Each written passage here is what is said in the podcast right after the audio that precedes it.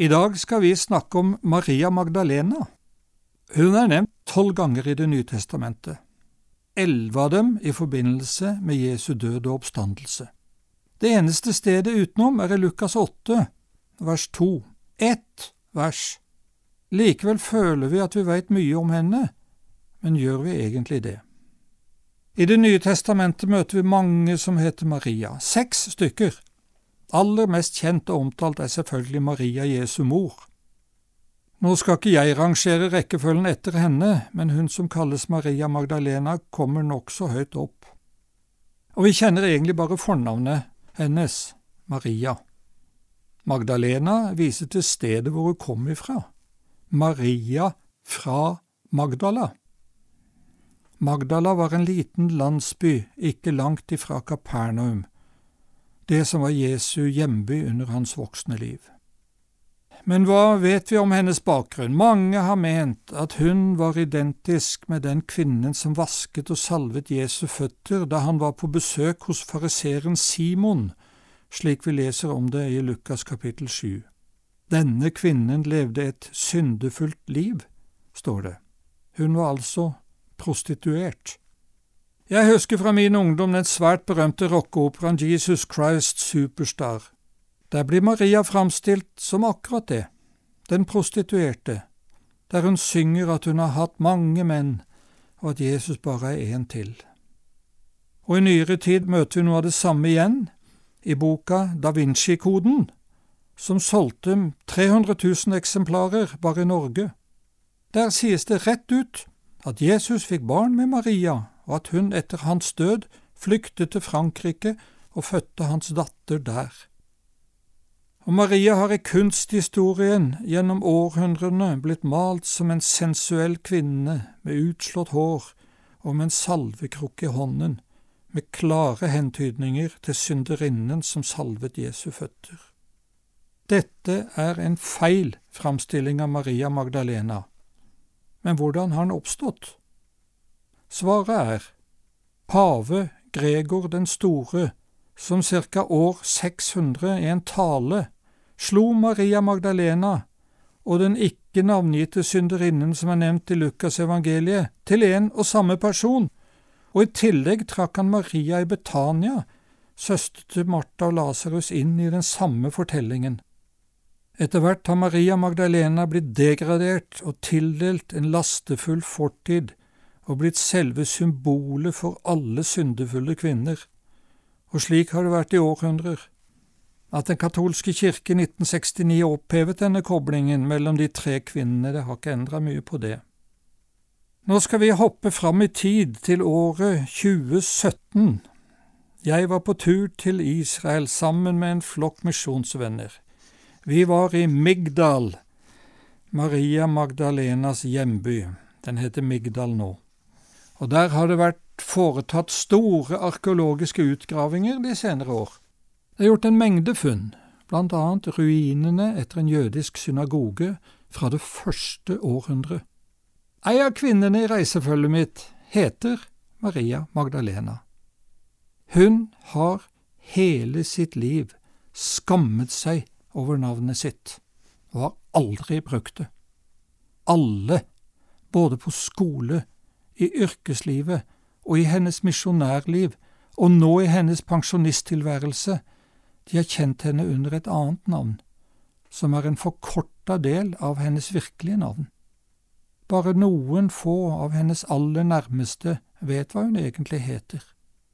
Der utenfor ruinene av synagogen i Migdal forklarte jeg gruppen at Maria Magdalena ikke var den synderinnen hun ofte framstilles som, slik jeg har gjort litt for dere nå i dag.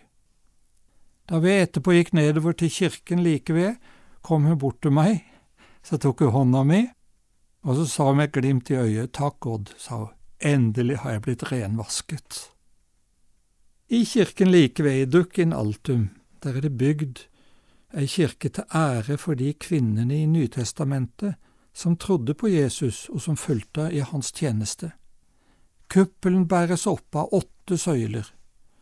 På sju av dem er nevnt konkrete navn, og på den åttende er det skrevet til alle de andre kvinnene som tjente Jesus. Maria Magdalena har fått sin egen søyle. Inne i kirken ba jeg Vår Maria Magdalena og stille seg ved den søylen, og så fortalte jeg de andre om hennes historie, at hun egentlig heter Maria Magdalena, og hvorfor hun alltid hadde skammet seg over navnet sitt. Det ble mange omfavnelser og gode ord til henne etter dette. Nå går vi tilbake til Maria Magdalena i Det nye testamentet. Hvem var hun, og hva vet vi om henne? I Lukas 8, 1–3 leser vi at det ikke bare var de tolv apostlene som fulgte Jesus på hans vandringer, noen kvinner er også nevnt. Ei av dem het Johanna, og hun var gift med en høytstående embetsmann hos kong Herodes. Hun var nærmest ei hoffdame. Ei annen var Maria Magdalena, med en mørk fortid. Hun hadde vært mye plaget av onde ånder som hadde makten over henne, og Jesus satte henne fri, og Maria fikk et nytt liv og begynte å følge Jesus. Med det de eide, hjalp de Jesus og de tolv, står det om disse to og flere kvinner. Vi hopper nå fram til slutten av evangeliefortellingene. Jesus er korsfestet, han er død, og evangeliene forteller at mange av de kvinnene som hadde tjent Jesus, var til stede og så hvor Jesus ble gravlagt. Hoffdama Johanna og Maria Magdalena og flere nevnes med navn. De gikk og lagde i stand velluktende oljer og salver, for de hadde planlagt hva de skulle gjøre når sabbaten var over. Og grytidlig om morgenen gikk de, og vi vet alle hva de fant – ei tom grav. Men ingen av de skjønte hva som hadde skjedd, de hadde ikke i sin villeste fantasi kunne tenke annet enn at legemet lå i graven. Og da engelen snakket til dem, ble de redde, men de gjorde likevel det som engelen ba dem om, å gå og fortelle dette til apostlene. De var ganske forvirra og skjønte fortsatt ikke hva som hadde skjedd. Og Maria Magdalena utbryter til dem, De har tatt Herren bort ifra graven, og vi vet ikke hvor de har lagt ham. Peter og Johannes gikk for å se etter hva dette var for noe, og Maria fulgte etter dem, til hagen der graven var. Og da Peter og Johannes vendte tilbake til de andre, så ble Maria igjen utafor graven, gråtende. Men så bøyde hun seg og så inn i graven. Og der så hun to engler, og de spurte hvorfor hun gråt. Og hun skjønte fortsatt ikke hva som hadde skjedd, og gjentok at noen hadde tatt Herren bort, og at hun ikke visste hvor de hadde gjort av ham. Så snudde hun seg og så en mann like utenfor graven. Da opplevde hun som det første mennesket å se den oppstandende Jesus. Det er mulig for oss å forstå og beskrive hva som rørte seg inni henne da. Han som var død, levde. Og så fikk hun en ordre og oppgave, gå og si til mine brødre. Og så gikk hun. Jeg tror hun sprang det forteste hun kunne, og som det første mennesket på jord fikk hun formidle det som er hele essensen i kristendommen. Jesus lever. Hun som hadde levd store deler av sitt liv i et ufattelig mørke, hun ble det første vitne om Han som er verdens lys.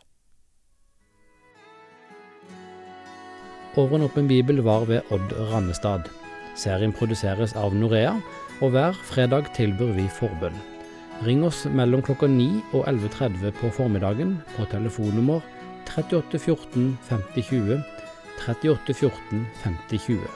Du kan når som helst på døgnet sende oss en e-post. Bruk adressen da post alfakrøllnorea.no.